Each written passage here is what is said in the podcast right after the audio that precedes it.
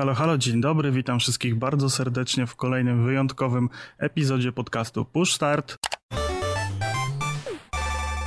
Ja jestem Dariusz Wadariowoźniak i standardowo jest ze mną Pimol. Cześć Pimol. Cześć, cześć wszystkim. No i dzisiaj e, pogadamy sobie w sumie o dwóch tematach. Omówimy na szybko PlayStation Stay of Play, który odbył się tam kilka tygodni temu i pogadamy sobie o RPGach takich papierowych, fabularnych. Dokładnie tak. E, jeżeli chodzi o State of Play, to tutaj prym będzie wiódł dzisiaj Waderio, bo był, oglądał, ja tylko tak na szybko przejrzałem. A jeżeli chodzi o RPG, to troszkę wypytam naszego znawcę tematu, z tego względu, że jestem lejkiem, który grał ostatni raz w RPG jakieś 20 lat temu, a z tego co wiemy, Waderio jest na bieżąco, więc troszeczkę nam przybliży ten temat. Zgadza się. No to przejdziemy sobie do tego e, wspaniałego wydarzenia od PlayStation, od tej, od tej konferencji online, która się odbyła 6 sierpnia. E, no i zaprezentowali nam tam w sumie zbiór trailerów. E, na początku pokazali nam Crasha, czwórkę, e, ten It's About Time i to jest pozycja, która bardzo ładnie się prezentuje, bardzo fajnie wygląda, e, troszeczkę powiewów świeżości ma, no i wbija się w taki ten nurt wracania do tego, co tam było kiedyś, czyli do hardkorowych platformówek 3D. Myślę, że będzie to dość ciekawa propozycja dla, dla właśnie takich fanów tego typu produkcji. Plus wygląda dość ładnie, ale nie jest jakaś taka bardzo widowiskowa. No, no jak, nie wiem, czy widziałeś? Jako obejrzałem tutaj sobie ten materiał właśnie State of Play, to jakaś taka bardzo duża rewolucja tutaj nie wchodzi, ani ray tracingu, ani jakichś tam specjalnych efektów. Natomiast y, no tutaj y, nie jestem wielkim fanem PlayStation, więc y, Bandicoot mnie ominął w tamtych latach i tutaj patrząc na tą prezentację raczej też mnie nie przyciągnie do siebie, żeby, żeby zmienić jakoś tam nastawienie do PlayStation. Jedyne, co mnie martwi, to to, że e, zapowiedzieli tam, że będą płatne skórki w grze.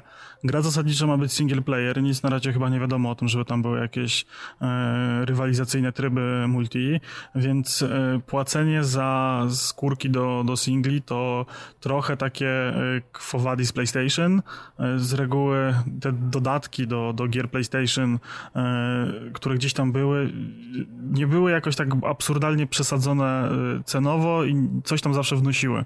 Nawet jeżeli tam żeśmy płacili za tą przysłowiową zbroję dla konia, no to ona jednak jakieś aspekty poza tymi wizualnymi coś tam wnosiła, nie? To była taka droga na skróty dla graczy, którym się nie chciało e, grać za bardzo. Zresztą w ogóle w tych produkcjach stricte Sony e, to tego za wiele nie było. Właściwie ciężko mi sobie przypomnieć jakiś tytuł, który by miał jakieś dodatki kosmetyczne płatne, a tutaj tak troszeczkę mnie ten kierunek martwi.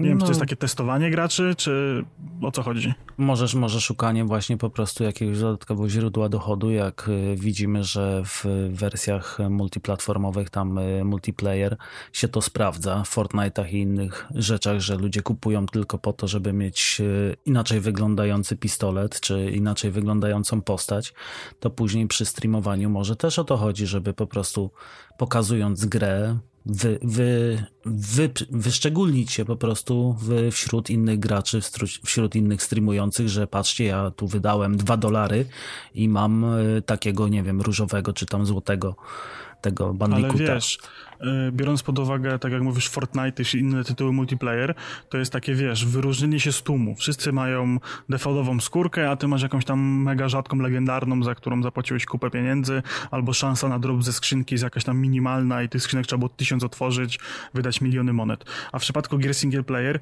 no to y, argument, że dedykowany dla streamerów to jest, żeby streamerzy się mogli wyróżnić, to jest trochę taki słaby, bo no ilu mamy tych streamerów na świecie? No niech będzie, że y, oglądamy oglądalnych streamerów, którzy kupią skórkę, bo chcą być rozpoznawalni na całym świecie jest 300, nie? No nie wiem, tak strzelam teraz, ale takich, powiedzmy, takich tych większych, nie? No to kurczę, no to jest jakieś tam, że tak powiem, myślę, że koszta produkcyjne tego będą większe niż, niż zarobek z tego by był, a, a z drugiej strony kupowanie samego, dla samego siebie w domu, e, jeżeli tam nie streamujesz i tak dalej, skórki do postaci, to jest takie w ogóle, no nie wiem, no, jak kupowanie drogich dzieł sztuki tylko po to, żeby samemu móc za nie patrzeć, nie? Tak trochę smutno. Ale są tacy ludzie, więc może szukają no właśnie tej niszy tej niszy, no żeby no jeszcze chyba, coś chyba. tam troszkę gdzieś wycza wy, wyczaić troszkę pieniędzy. Poza tym też weźmy pod uwagę, że jest to gra skierowana raczej do dzieci, jeżeli chodzi o samą o sam wygląd, o samą grywalność i tutaj myślę, że też celują po prostu w te, ten wiek 7-10 lat, gdzie coś kolorowego, coś nowego też będzie się rzucać w oko i będzie tata, tata daj kartę, tata daj kartę, albo, ja sobie tylko albo kupię. podpieprzona karta i 20 tysięcy dolarów A. na skin tak? tak? Tak też może się zdarzyć, natomiast no, myślę, że po prostu tutaj próbują może wycelować w jakiś nowy target. No, jestem ciekawy, jak to będzie wyglądało dalej. Dobra, no to przechodzimy dalej. E, Hitman 3 VR. Myślę, że poza tym, że ciekawostka, to hashtag nikogo, nikomu serduszko nie zabiło.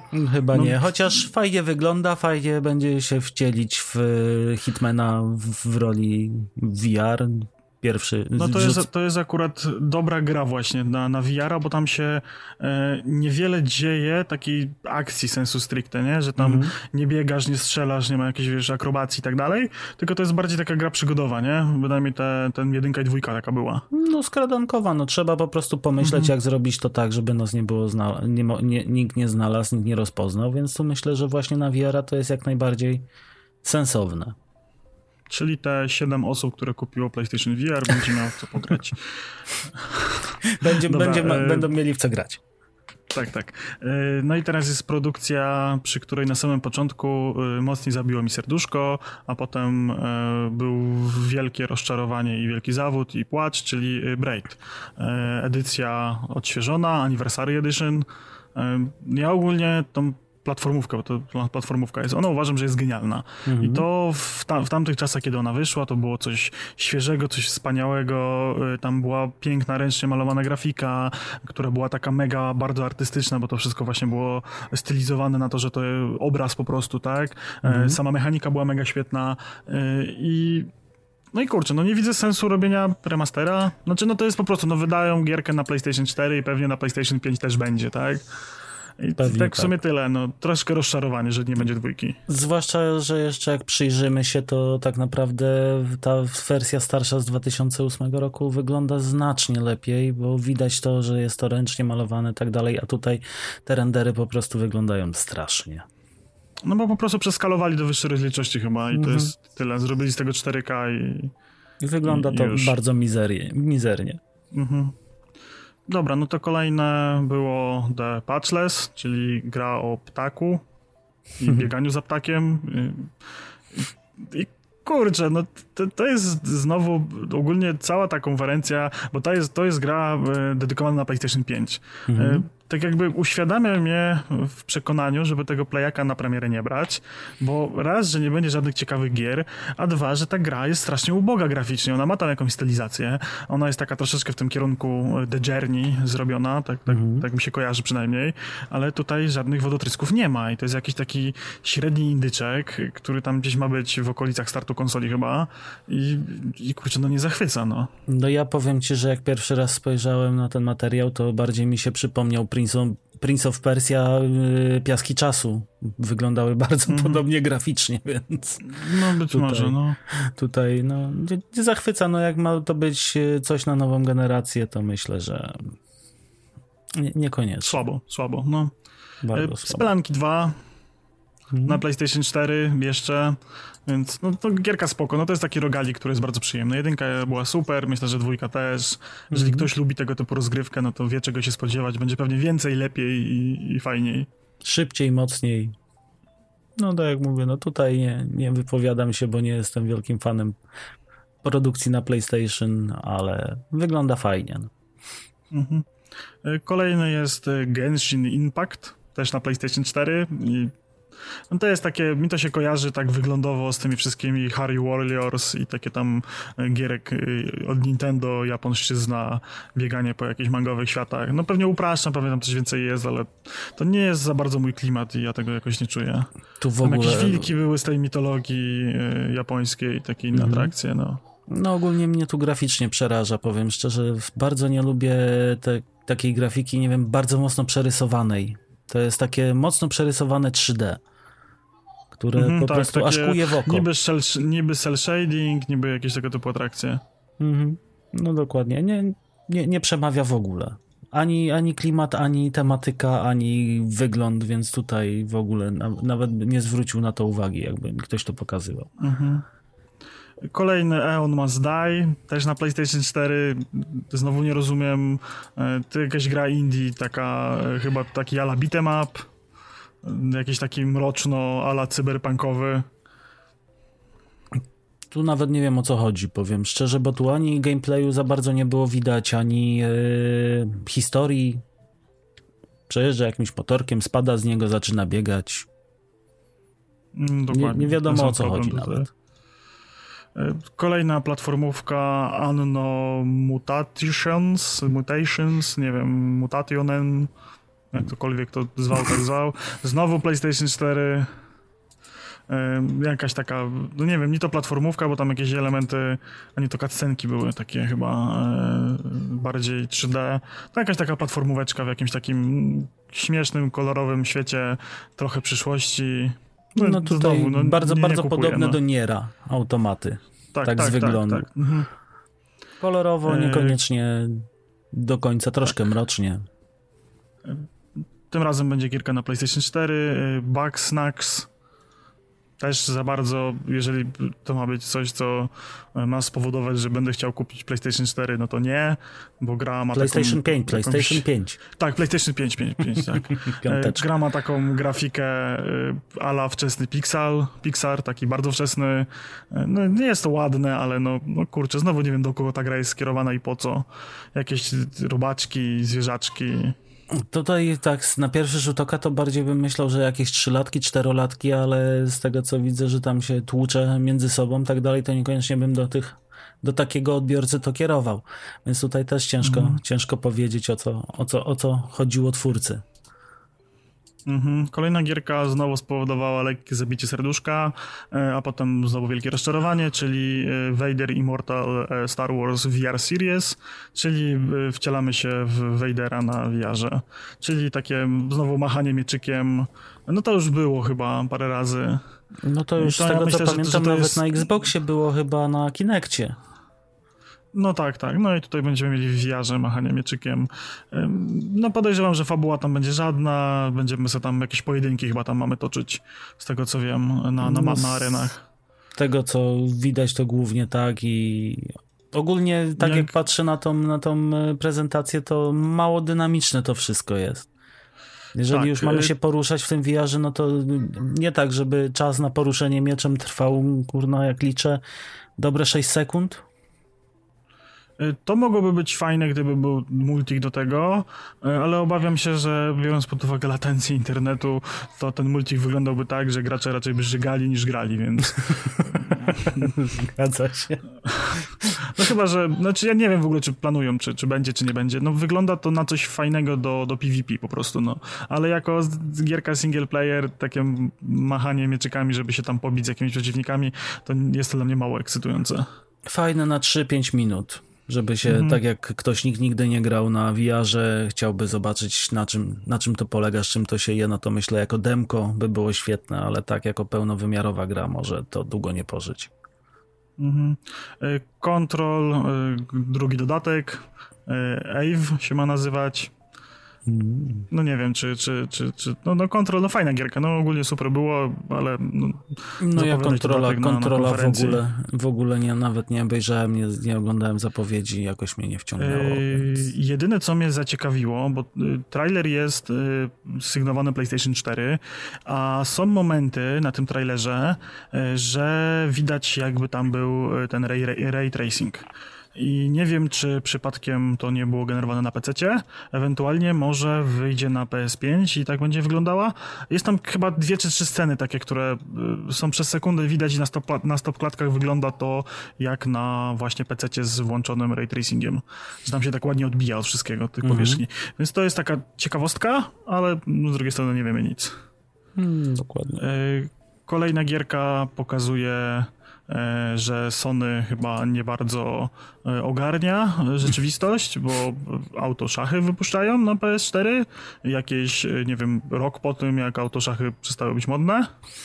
Ale ogólnie, ogólnie ta gierka to wygląda tak, jakby ktoś to z Androida zaportował po prostu do, do na konsolę. No, nic powalającego. Tak, tylko nie umiał tego robić i zajęło mu to rok zamiast dwa tygodnie. Mhm. Bo to, no, więc to jest takie, no, no ja nie wiem, czy ta gra tam ma się jakoś tam chyba na jesieni pokazać, na koniec konsoli i tak w sumie po co?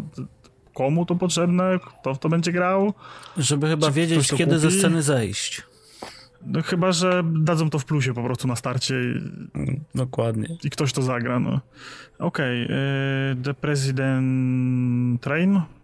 Nie wiem. Nie, Pedestrain. Mi przy... A, tak, The Pedestrain. Y, no, gierka wygląda ciekawie. Koncepcja jest ciekawa, ale znowu kolejny indyczek na PS4, no. No to to jest też coś w zasadzie, tak jak y, pamiętam było w jej akcesie gierka, co byliśmy włóczką i chodziliśmy po prostu po... Y, tak, a ten Unravel, tak? No, dokładnie. No. Więc tutaj myślę, to no, tutaj sobie klona. To, jakimiś takimi, no te lokacje wyglądają interesująco, chodzimy sobie tam narysowanym ludzikiem po znakach i w sumie mm. tyle. Ciekawe. Kolejna gierka, tak. Mhm.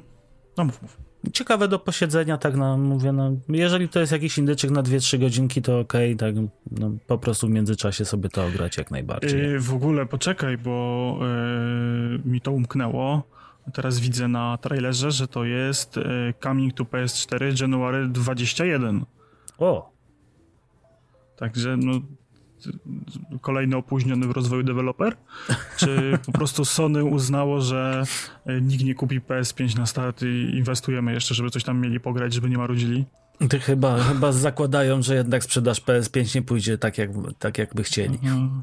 patrząc na to, co robią. E, kolejna gierka, czyli Hood, e, Outlast Legends and Legends, PS4, PS5. No kurczę, no to jest jakaś taka sympatyczna gierka w stylu chyba For Honor to ma być. Czy, czy tego typu gierek, że tam się naparzamy. No jakoś e, ten trailer za wiele nie pokazuje, który puścili. E, no gierka wygląda sympatycznie, wygląda nawet ładnie, ale... Tutaj myślę, że też mogliby, jak się przyjrzymy, to może coś w stylu właśnie Assassin's Creed'a bardziej, skradanka, no, znaczy nie, nie, ma chyba gameplayu takiego stricte. No nie ma, nie ma. Wszystko generowane. Są... Mhm. Mhm. Zobaczymy, co to z tego wyjdzie. E, no nie ujęło mnie to na, na serduszku jakoś za bardzo. Takie właśnie, jest tam jakieś elementy właśnie, mamy kilka postaci, więc obstawiam, że może to będzie jakiś e, coś w stylu e, Left 4 Deada, że tam każdy z graczy wciela się właśnie w jednego mhm. bohatera i tam jakiegoś questa mają do zrobienia. Może coś jakiego to będzie, to byłoby ciekawe. Tym bardziej, że tu widać jakieś, że synchronizacja ataków, ukrywanie się. No zobaczymy, co to z tego wyjdzie. Dokładnie. E, Jak pokażą gameplay, wtedy będziemy mniej, mieli mniej tak. domysłów. Widać, że jest jakiś e. potencjał, ale ciekawe, czy będzie wykorzystany. Mhm. E, kolejna gra na PS5. Temtem i znowu martwię się o moc tej konsoli, o to jakość tej konsoli, bo znowu mamy gierkę, która jest chyba klonem Pokémonów, tak? Tak to mm -hmm. wygląda? Tak to wygląda. Jakieś stworki zbieramy, biegamy po planszy mm -hmm. i ogólnie wygląda to jakby ktoś w ogóle sklonował całe Pokémony z Nintendo. Z jakiegoś właśnie 3DS-a, bo nie o. jest to za ładne, więc... Okej, okay. kolejna gierka, jedyna z, z, tych gierek, która potencjalnie mnie interesuje i wygląda całkiem nieźle i może być fajną gierką, to jest gierka, którą będzie wydawał Gearbox i jest to Godfall, e, czyli taki e, Diablo z trzeciej osoby. Czyli mm. taki looter, shooter, fantazy po prostu, no. Będzie machać mieczami, rzucać zaklęcia, umknęło mi, czy to będzie multiplayer, czy single player. To będzie coś jak mm. bardziej jak Destiny, czy bardziej jak Borderlands. Tego, tego nie wiem. To mi gdzieś e, umknęło. Też, też nie widziałem. Natomiast bardziej mi do, do Warfare'a przypomina. Mhm. Więc tutaj. No także, ale... także to, jest, to jest w sumie tyle. Ja ogólnie jestem bardzo rozczarowany tym, tym pokazem. Liczyłem na to, że pokażą chociaż ze dwa, trzy tytuły, które e, spowodują, że serduszko mi tak porządnie zabije i będę chciał polecieć w tym listopadzie, czy tam w grudniu po tą konsolę do sklepu, a w tym momencie nie widzę sensu. Tym bardziej, że ostatnio jakieś tam były e, pogłoski, że ta wsteczna kompatybilność to niekoniecznie, że kontrolery to tak w sumie nie bardzo będą działały, tylko na tych starych grach i to nie wszystkich, więc tak te wszystkie piękne obietnice, które PlayStation dało na początku, które spowodowały, że byłem chętny iść na premierę kupić tę konsolę, coraz bardziej powoduje, że, że nie. Bo co, no. będziemy mieli Spidermana i The Last of Us? Spiderman będzie tym samym Spidermanem, który był, bo to nie będzie nowa gra, tylko będzie dodatek standalone z nową postacią, czyli coś w stylu tego Uncharted The Lost Legacy. No i dostaniemy pewnie właśnie remaster, no w cudzysłowie, The Last of Us. I, I, chyba tyle. Na tym się zakończyło, no co, co będzie ciekawego no, tak. na PlayStation 5. Tutaj... Dlatego właśnie martwię się. No, martwię się o tą konsolę. E, tym bardziej, że ostatnio też e, wysz, wyszciekła, wysz, chyba wyciekła specyfikacja Xboxa Series S, czyli tego e, mniejszego brata dużej konsoli, bez napędu, z troszeczkę gorszymi podzespołami. I co ciekawe, tam no, nie obsłużymy 4K, będzie 1080p, ale ma być 60 klatek. Jest to dość ciekawa alternatywa dla graczy PC-owych, którzy by chcieli też sobie na telewizorze na kanapie pograć to, to jest coś, co skłania mnie ku, ku kupnie Xboxa. No tutaj wszystko będzie też oczywiście zależało od ceny, natomiast no ja jako użytkownik no cena, cena, nawet... ma być, cena ma być dość, e, dość, dość atrakcyjna. No właśnie tego, co tak. widziałem. No, ja też... 1400 chyba, czy coś koło tego? Mm. Ja też aktualnie używam Eski, tej właśnie mniejszej, nie ma miksa i nie, nie odczuwam wielkich zgrzytów czy, czy chrupnięć, żeby ta konsola miała podczas grania, więc Myślę, że mhm. tutaj SK jest bardzo fajną alternatywą, jeżeli ktoś nie jest bardzo napalony na to 4K, na super, hiper, ultra ustawienia, widoki i tego typu rzeczy. Tak znaczy, jak... no, kwestia, czy ktoś, czy, czy mamy, mamy, po prostu telewizor w domu, tak, który to nam dobrze obsłuży, no bo ja w tym momencie mam 4K, ale to 4K jest już leciwe, tam HDR jest ten z pierwszej czy z drugiej generacji, więc to już nie jest, to, ten, ten efekt już nie działa tak dobrze, nie, więc... Zgadza się, ja mam ten problem, że HDR-u w ogóle nie widzę, więc tutaj nie, nie widzę sensu inwestowania w HDR. No chyba, że tak. Dobra, no to myślę, że zakończymy ten kącik newsowo-sezonowo-ogórkowy, bo się nic nie dzieje, nic ciekawego. Pewnie, e, tylko poza, nie, poza jakimiś konferencjami, konferencjami takimi na szybko, które nic tak naprawdę nowego nie no. wnoszą, nic, nic się nie dzieje, więc cóż. No tam było po drodze jeszcze ten Night City Wire jeszcze było, ale też tam nic ciekawego nowego, żebyśmy się nie dowiedzieli. E, no tam no, chyba no pokazali w sumie prawie to samo, co w pierwszym odcinku, więc ja tam nie, nie odczułem zbytnio różnicy. Poza tym mhm. nie, nie skupiałem się zbytnio na oglądaniu, ale tak jak patrzyłem w międzyczasie, rzuciłem gdzieś tam okiem, to nic ciekawszego jeszcze nie pokazali. No dobrze, mhm. to przejdziemy do tematu odcinka, czyli yy, RPG. Czy jest to rozrywka dla wszystkich, czy tylko dla wybranych nerdów, wybranych jakichś tam grup społecznych? I tutaj jako specjalista, myślę, nam fajnie to opowiesz.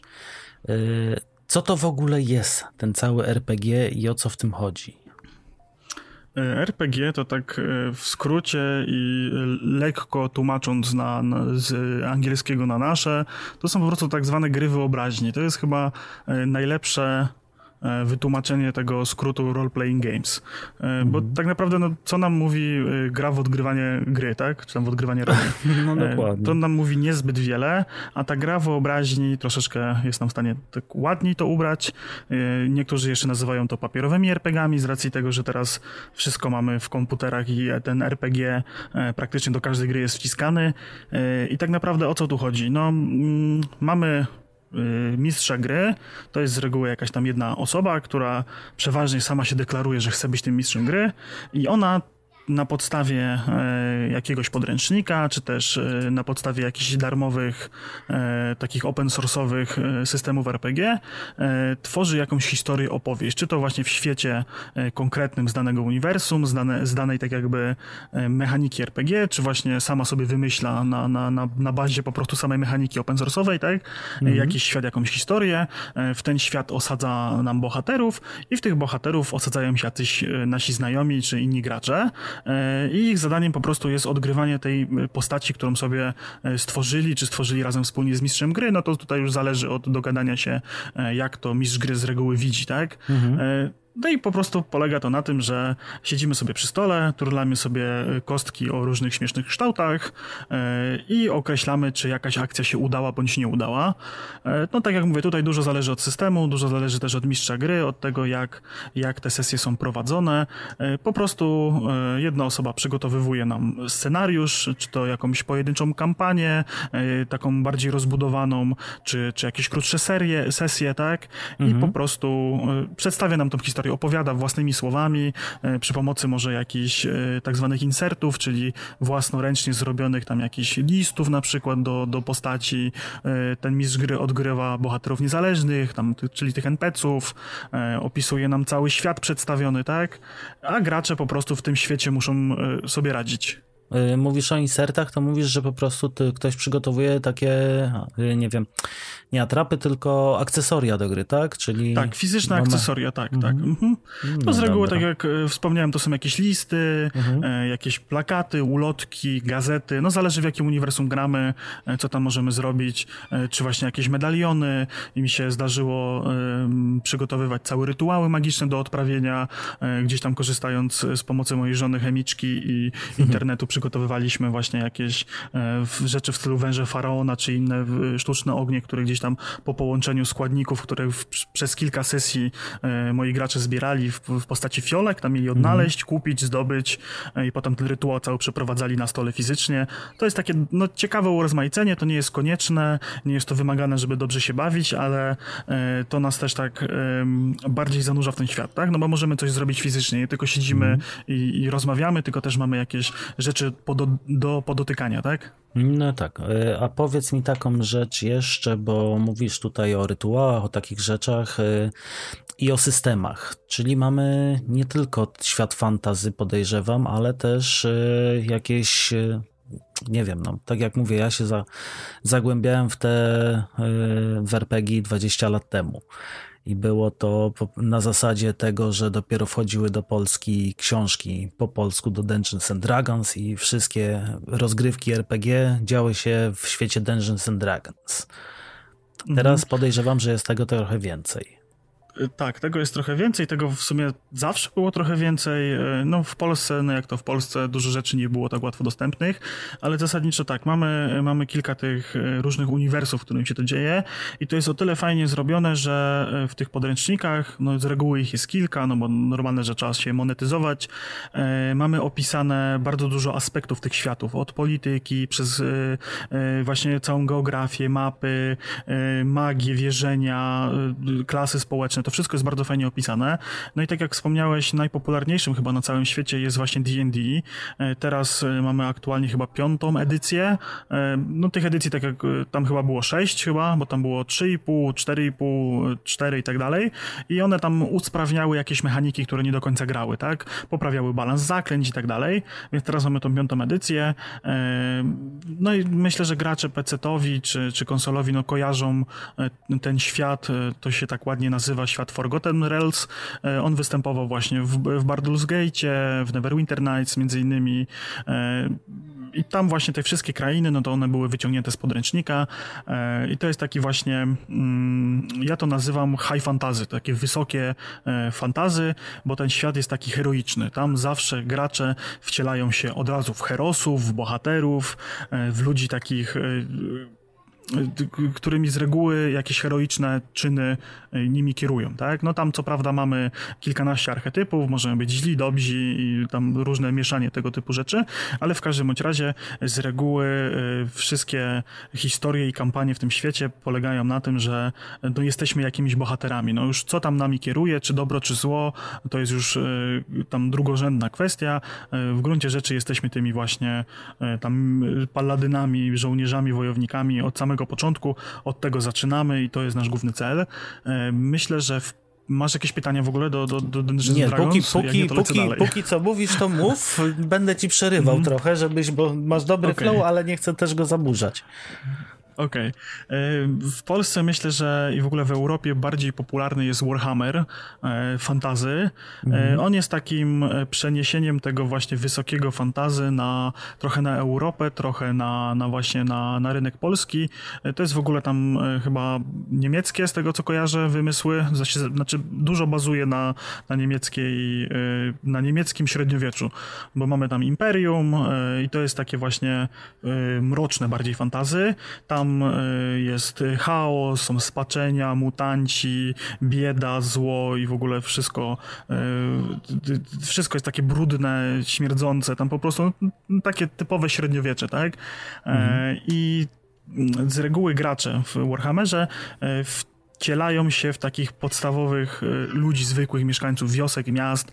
Tam te klasy postaci rozpisane w podręcznikach, to jest tam jakiś rybak, jakaś hiena cmentarna, e, jakiś tam herszt gangu, jakiś tam ochroniarz, y, straż, strażnik miejski, e, marynarz, tego typu e, postacie. Nie ma tam takiego typowego paladyna i tak dalej, czy, czy typowego wojownika. Te klasy gdzieś tam u podstaw są zakorzenione, w, oczywiście w tych typowych takich znanych nam archetypach, mhm. ale z reguły właśnie zaczynamy jak jako gdzieś tam jakiś właśnie rybak, gdzieś tam jakiś, jakiś żeglarz yy, i czyli, tak, tak się przyjęło. Czyli, czyli tutaj mhm. porównując bardziej tak przy D&D mamy tak od y, bohatera do bohatera, a w Warhammerze, tak jak opowiadasz, to bardziej mamy od zera do bohatera.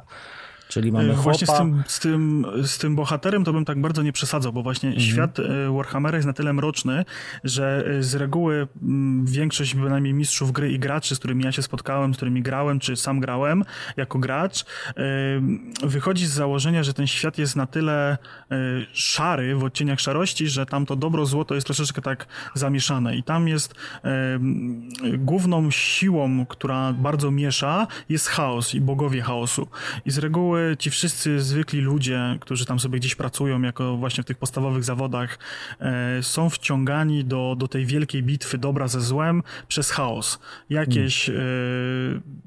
Czyny, czy to bogów chaosu, czy jakichś spaczonych istot, powodują, że ci ludzie tak jakby wstają od tego swojego życia i ja idę walczyć z chaosem, ja będę walczył teraz ze złem, będę zabijał wampiry i tak dalej, tak? I właśnie y, potem y, awansując, ewoluowując w klasach, właśnie przechodzimy do, czy to do łowcy wampirów, czy to do jakiegoś y, wędrownego czarodzieja i tak dalej.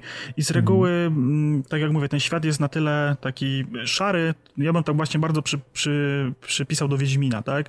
Że tam nigdy nie ma takich dobrych decyzji. Tam nawet jeżeli kogoś uratujemy, postąpimy heroicznie i dobrze, może się okazać, że gdzieś tam e, za tym wszystkim stał chaos i tak naprawdę to on, byliśmy tylko marionetkami i robiliśmy źle, nie? No, Dlatego no, no ja bardzo tak. lubię Warhammera, to jest jedno z moich ulubionych uniwersum, jeżeli chodzi w ogóle o RPG, nie? Mhm.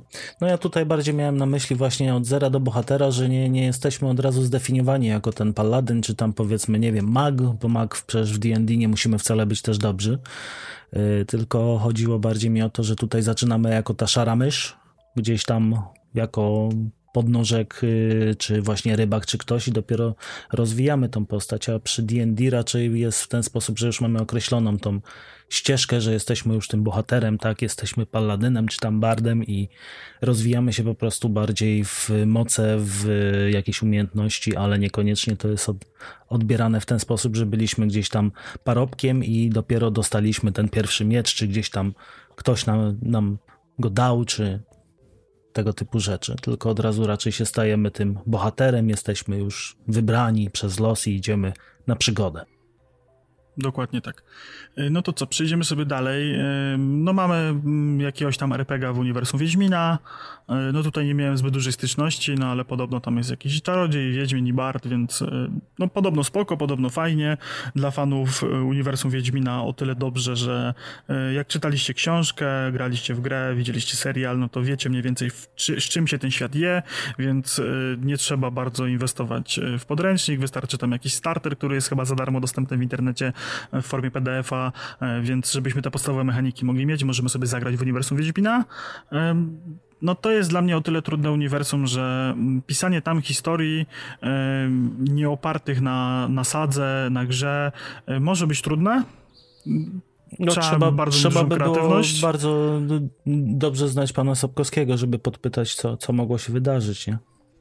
Mhm, tym bardziej, że właśnie głównym trzonem tej opowieści jest ta przygoda Geralta, więc wplatanie jakichś tam historii między jest to problematyczne, ale też takie moim zdaniem średnio fajne, więc no, no mm. myślę, że kiedyś, kiedyś będę chciał sobie coś pograć tego Wiedźmina, e, zobaczyć jak to wygląda bardziej, no ale to za jakiś czas, no.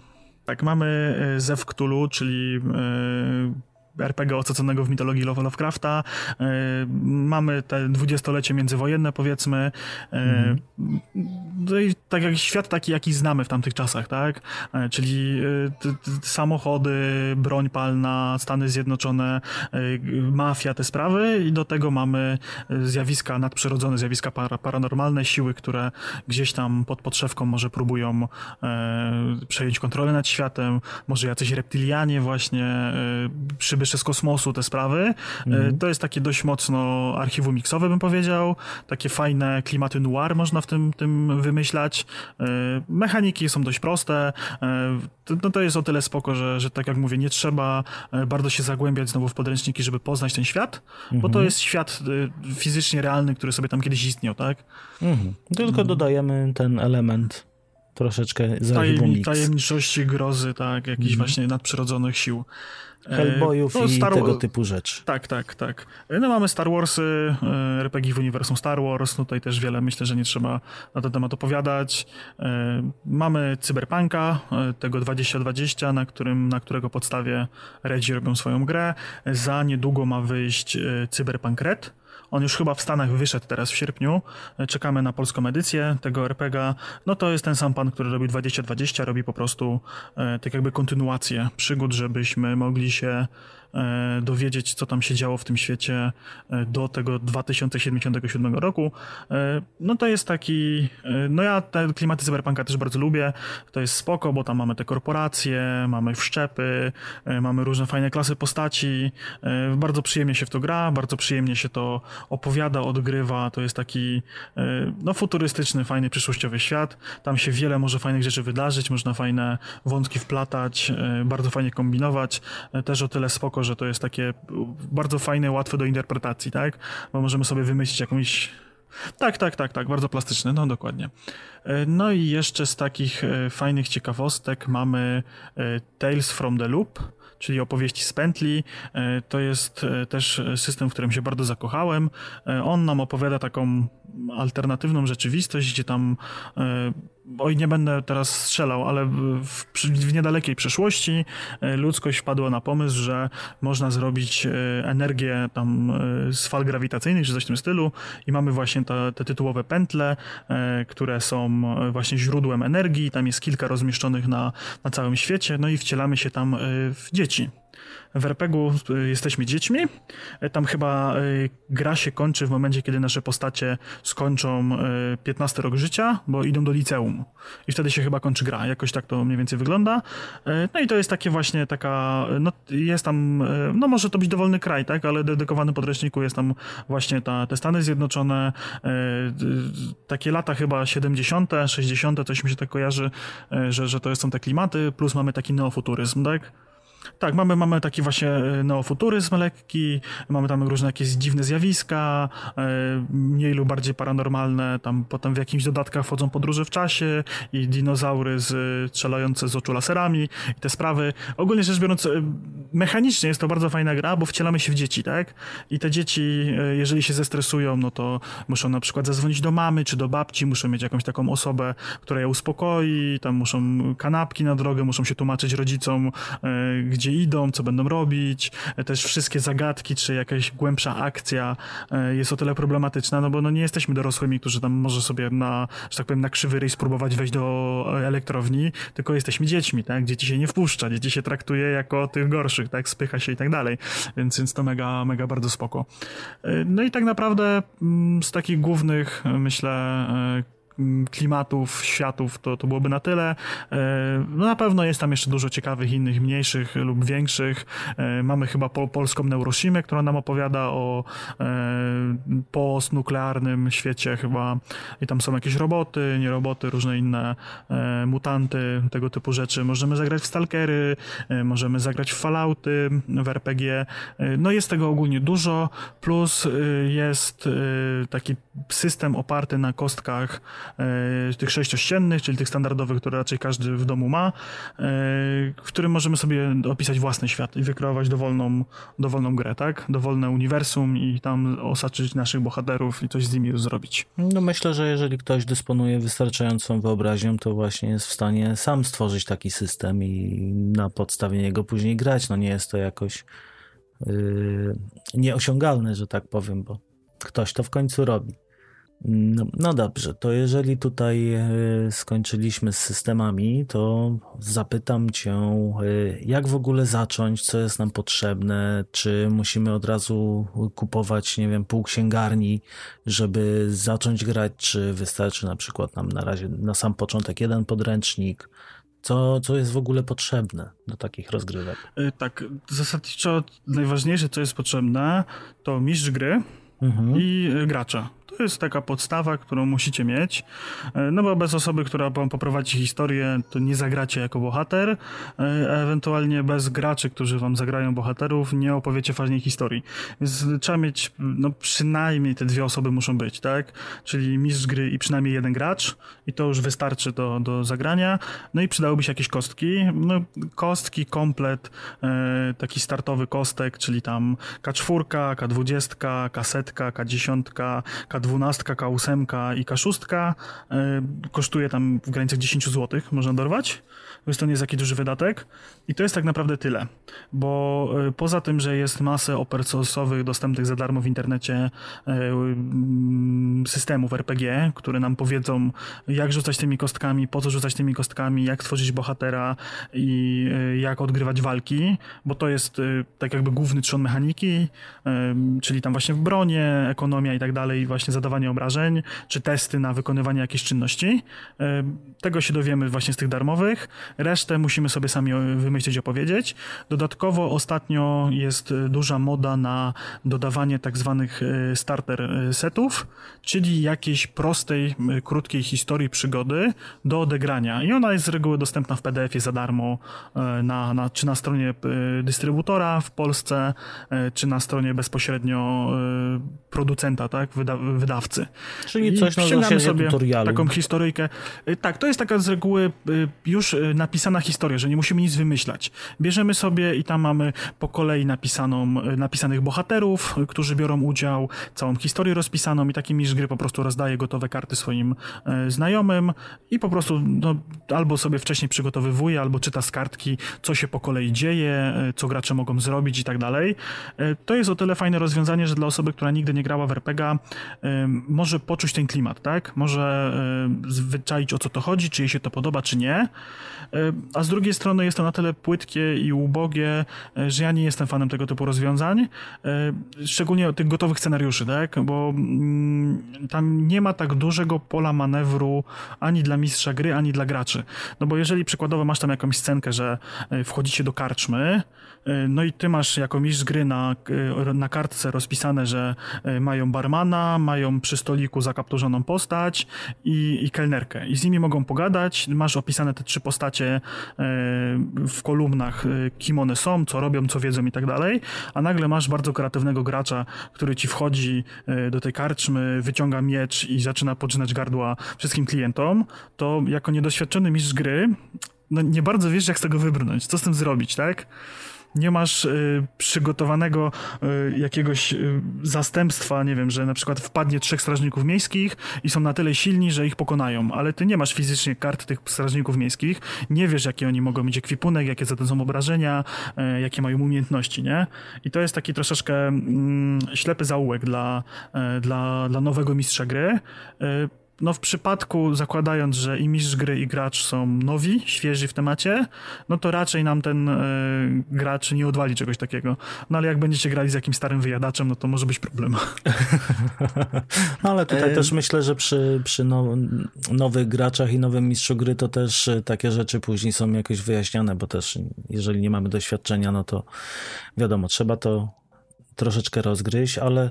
Tutaj niestety, wiesz co, moim zdaniem w przypadku mistrza gry liczy się po prostu warsztat. Trzeba y, albo wiedzieć, jak pokierować graczami, żeby poszli od A do Z tymi punktami, które sobie wcześniej przygotowałeś, y, czego znowu ja nie jestem fanem y, robienia tak z graczy marionetek, bo wtedy uważam, że mm, gracze no, nie grają, tylko robią to, co ja chcę. Więc dla mnie to jest średnie.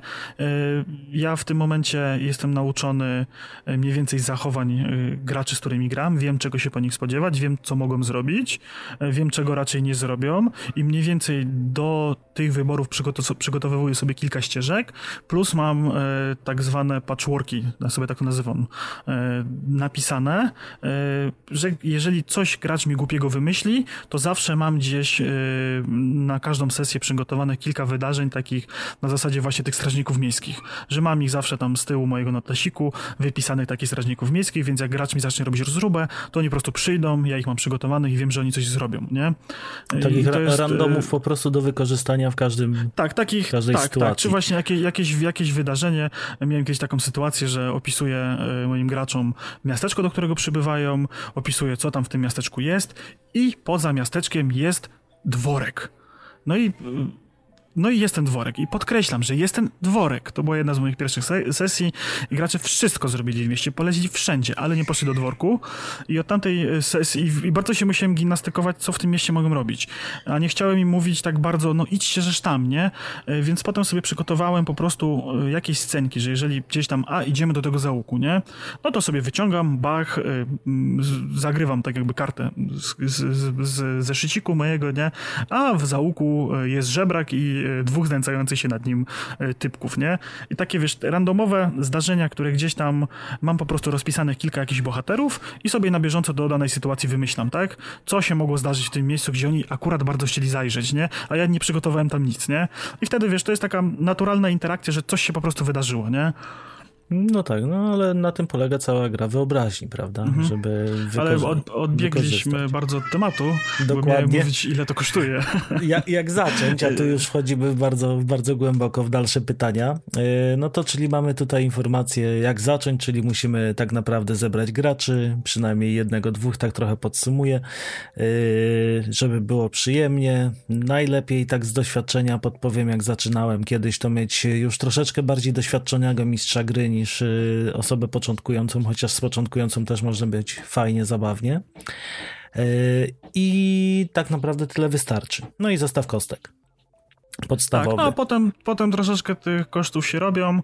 E, polecam, jeżeli mamy stałych graczy, z ludzi, z którymi stale gramy, po prostu robić jakieś tam składki na, na podręczniki, bo podręczniki niestety są drogie, to są koszty od 100 do, do 300 zł, się tak waha, zależy co kupujemy i jak dawno to było wydane.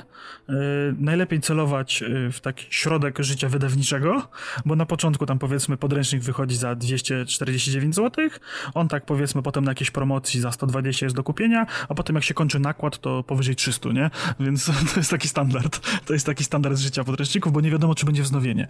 I zasadniczo y, polecam zaopatrzyć się w te podręczniki podstawowe, te pierwsze podręczniki y, tak jakby wprowadzające nas do samego świata, bo tam dostaniemy informacje o polityce, o wierzeniach, o klasach postaci, jak zrobić postacie, jak działają wszystkie mechaniki w grze i to tak naprawdę nam wystarczy.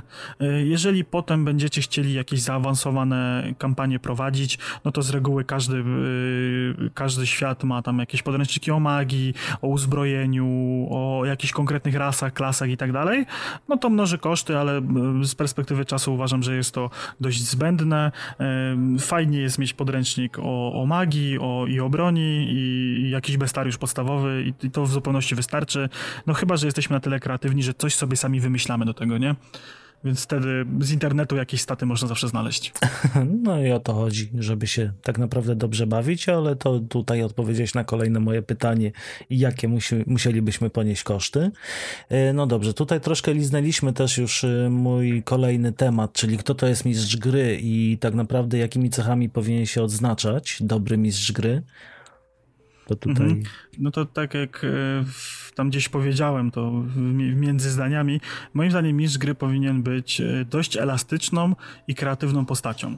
E, to jest tak, z jednej strony to jest, to jest dość skomplikowane zajęcie, tak? No bo ty jesteś tą osobą, która w trakcie sesji ma najmniej fanu, bo ty wiesz wszystko, wiesz co się wydarzy, wiesz jak to będzie. Tylko, że ty wcześniej przed sesją musisz sobie to przygotować.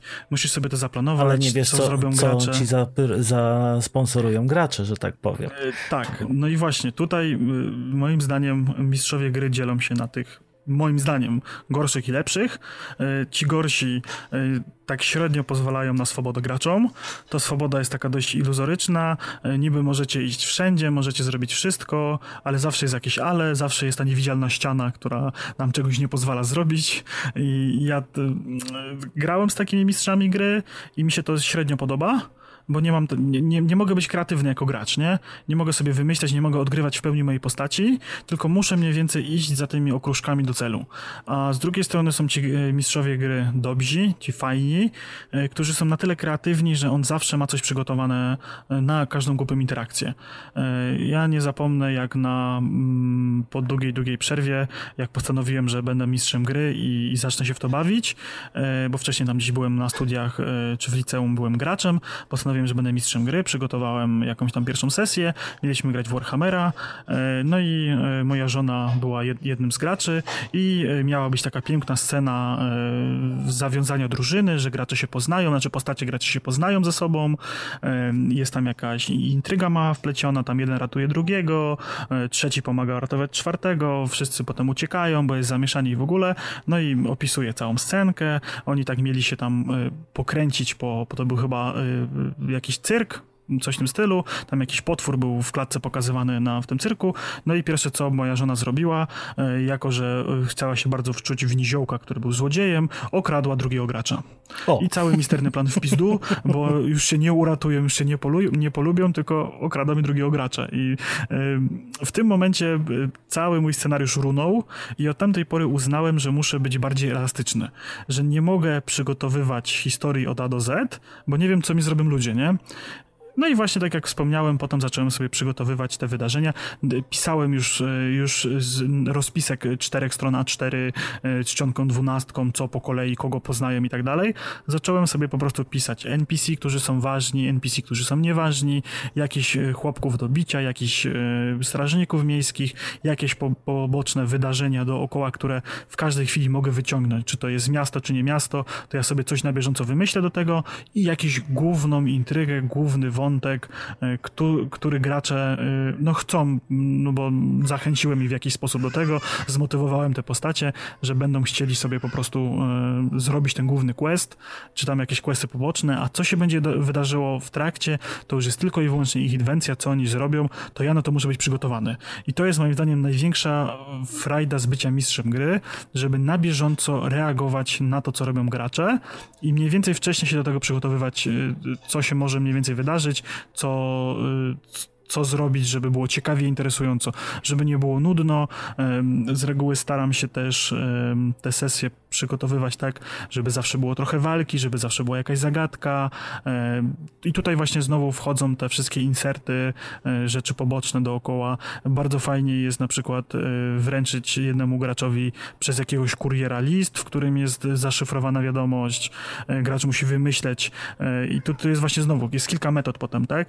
Bo gracz albo może sam na własną inteligencję wychwycić, że to jest jakiś tam szyfr w tym liście i to rozkodować, a jeżeli nie da rady, no to może się posłużyć kostkami, może mu wtedy podpowiadać, on wykonuje rzuty, udało mu się, nie udało mu się i ciągniemy tą fabułę. Więc tutaj y, dużo jest takich aspektów, żeby było ciekawie, No to jest tak jak z dobrym filmem akcji, tak?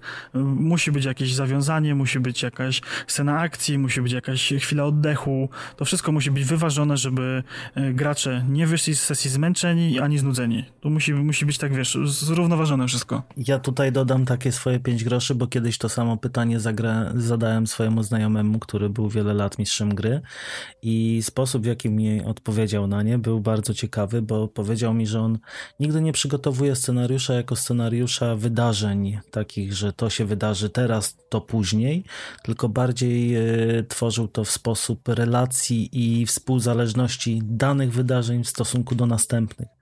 I żeby po prostu robić bardziej mapę połączeń, co się może zdarzyć, gdy, niż tworzyć taki właśnie scenariusz, że prowadzimy po kłębku po prostu do, do to znaczy po sznurku do kłębka, oczywiście musiałem obrócić yy, graczy przez całą, całą rozgrywkę, bo wtedy jest dużo ciekawiej, jeżeli gracze mogą właśnie wprowadzać no, swoje interakcje. Się bo to jest tak średnio jest prowadzić scenariusz, jeżeli na przykład mamy jakiegoś, powiedzmy, szlachcica, który ma jakiś przedmiot, który jest naszym bohaterom potrzebny, tak? To średnio jest y, kazać im od razu iść go okraść. Niech sobie kombinują, niech wymyślą, jak to zrobić. Może go, może go przegadają, może go odkupią ten przedmiot, może ten przedmiot on mi po prostu da, tak? Dajmy mi wolność wyboru, wtedy będzie fajnie. Oni się będą lepiej bawić, bo będą mieli poczucie tego, że sami coś zrobili, sami coś wymyślili, e, a z drugiej strony my będziemy mieli frajdę na bieżąco reagować na to, co się dzieje. No dobra. To może następne pytanie. Ile trwa przygotowanie się do gry jako gracz, a ile trwa jako mistrz gry? Czy jesteśmy w stanie na przykład do gry przygotować się jako, mówię jako gracz w ciągu jednej, jednego spotkania, załóżmy 2-3 godzinki? Y, znaczy, zależy, co rozumiesz pod y, pojęciem przygotować się, bo jeżeli chodzi o przygotowanie się takie do samej gry, no to tak naprawdę gracz przychodzi na gotowe, na sesję i on sobie gra. I to już tak naprawdę od y, niego zależy, czy jest tym graczem w oczach mistrza gry fajnym, czyli tym graczem, który e, jeżeli gra marynarzem, to e, w domu czyta sobie o technikach wiązania węzłów, o nazewnictwie na okręcie rzeczy i potem na sesji e, tam rzuca, że on teraz będzie kręcił handszpakiem i, i wiązał węzeł fałowy i takie tam różne rzeczy i wtedy jako mistrz gry, o fajnie, przygotował się, nie? Tak mm, wie o czym mhm. gada, tak to wczuł, znaczy, bardziej, się postać. Bardziej nie? mi tu chodzi o przygotowanie tak jak na przykład, nie wiem, wchodzimy z ulicy, chcielibyśmy pograć, e, mamy już ekipę i teraz musimy zacząć. No Czyli tak, przygotowanie no to... postaci, Aha, historii, tego typu rzeczy, o to bardziej mi chodziło w pytaniu. No to gracz tak naprawdę znowu ma łatwiej, bo jeżeli chodzi o przygotowanie mhm. postaci, no to y, tutaj są trzy opcje, albo mistrz gry nam przygotowywuje jakąś postać, wcześniej mhm. gadając z nami, czy chcemy być tam magiem, czarodziejem, e, paladynem, warriorem, snajperem i tak dalej. I on sobie w domu, powiedzmy, tworzy te, te karty postaci e, czego ja osobiście nie preferuję, albo korzystamy z gotowych postaci na konkretną gotową kampanię, tak jak wspomniałem w tych starterach z reguły mamy przygotowaną już postać, albo to, co ja najbardziej lubię, e, czyli tworzenie postaci razem z graczami e, i e, na przykład w Warhammerze to jest bardzo fajnie rozwiązane, bo po prostu bierzemy sobie pustą kartę postaci, otwieramy podręcznik, no i losujemy każdy z parametrów po kolei. Od klasy postaci, przez wygląd, przez pochodzenie, cało, wszystkie statystyki musimy sobie wylosować, Oczywiście jest tam jakiś mniejszy lub większy wybór, no bo rzucamy trzy razy kośćmi i losują nam się trzy klasy, wybieramy sobie jedną z trzech, e, potem rozwijamy mhm. jej statystyki znowu rzutami kośćmi i to z reguły dla czteroosobowej grupy graczy zajmuje nam jakieś dwie godzinki, żeby zrobić cztery postacie. I potem tymi postaciami, no możemy grać dowolną liczbę czasu i levelować, rozwijać i tak dalej, tak? No dokładnie o to chodzi. A jeżeli chodzi o bycie mistrzem mhm. gry, no to tutaj już y, zależy od naszego zaangażowania. Ja na przykład do sesji y, z reguły przygotowywuję się kilka dni, a tak naprawdę myślę o tym i zastanawiam się od sesji do sesji. Kończąc e, jedną przygodę, już w myślami jestem na następnej sesji, co gracze będą robić, co im przygotuję, jaką zagadkę wymyślę. No i tak naprawdę na napisanie takiego prostego scenariusza, no to jest tam też znowu 2-3 godzinki, tak? Trzeba poświęcić opisać sobie jakieś lokacje. No też znowu zależy od tego, jak bardzo jesteśmy zaangażowani, bo możemy powiedzieć, że gracze wchodzą do miasta, w mieście jest ratusz, karczma, dwa stragany, kościół i, i reszta domki i, I tyle, tak?